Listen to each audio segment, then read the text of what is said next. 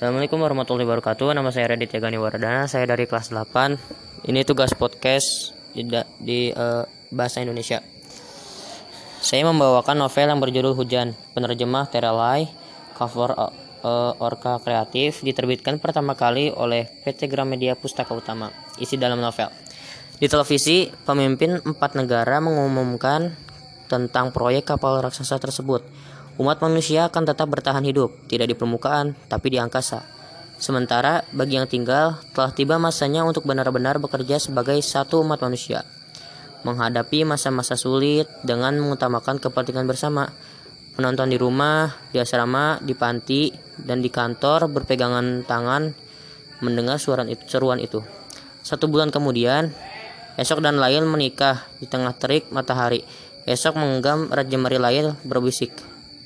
Kita akan melewati musim panas bersama-sama. Aku tidak akan meninggalkanmu lagi.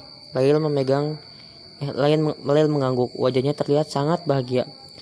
Kutipan yang dibaca Maryam benar. Bukan seberapa lama umat manusia bisa bertahan hidup sebagai ukuran kebahagiaan, tapi seberapa besar kemampuan mereka memeluk erat-erat semua hal menyakitkan yang mereka alami.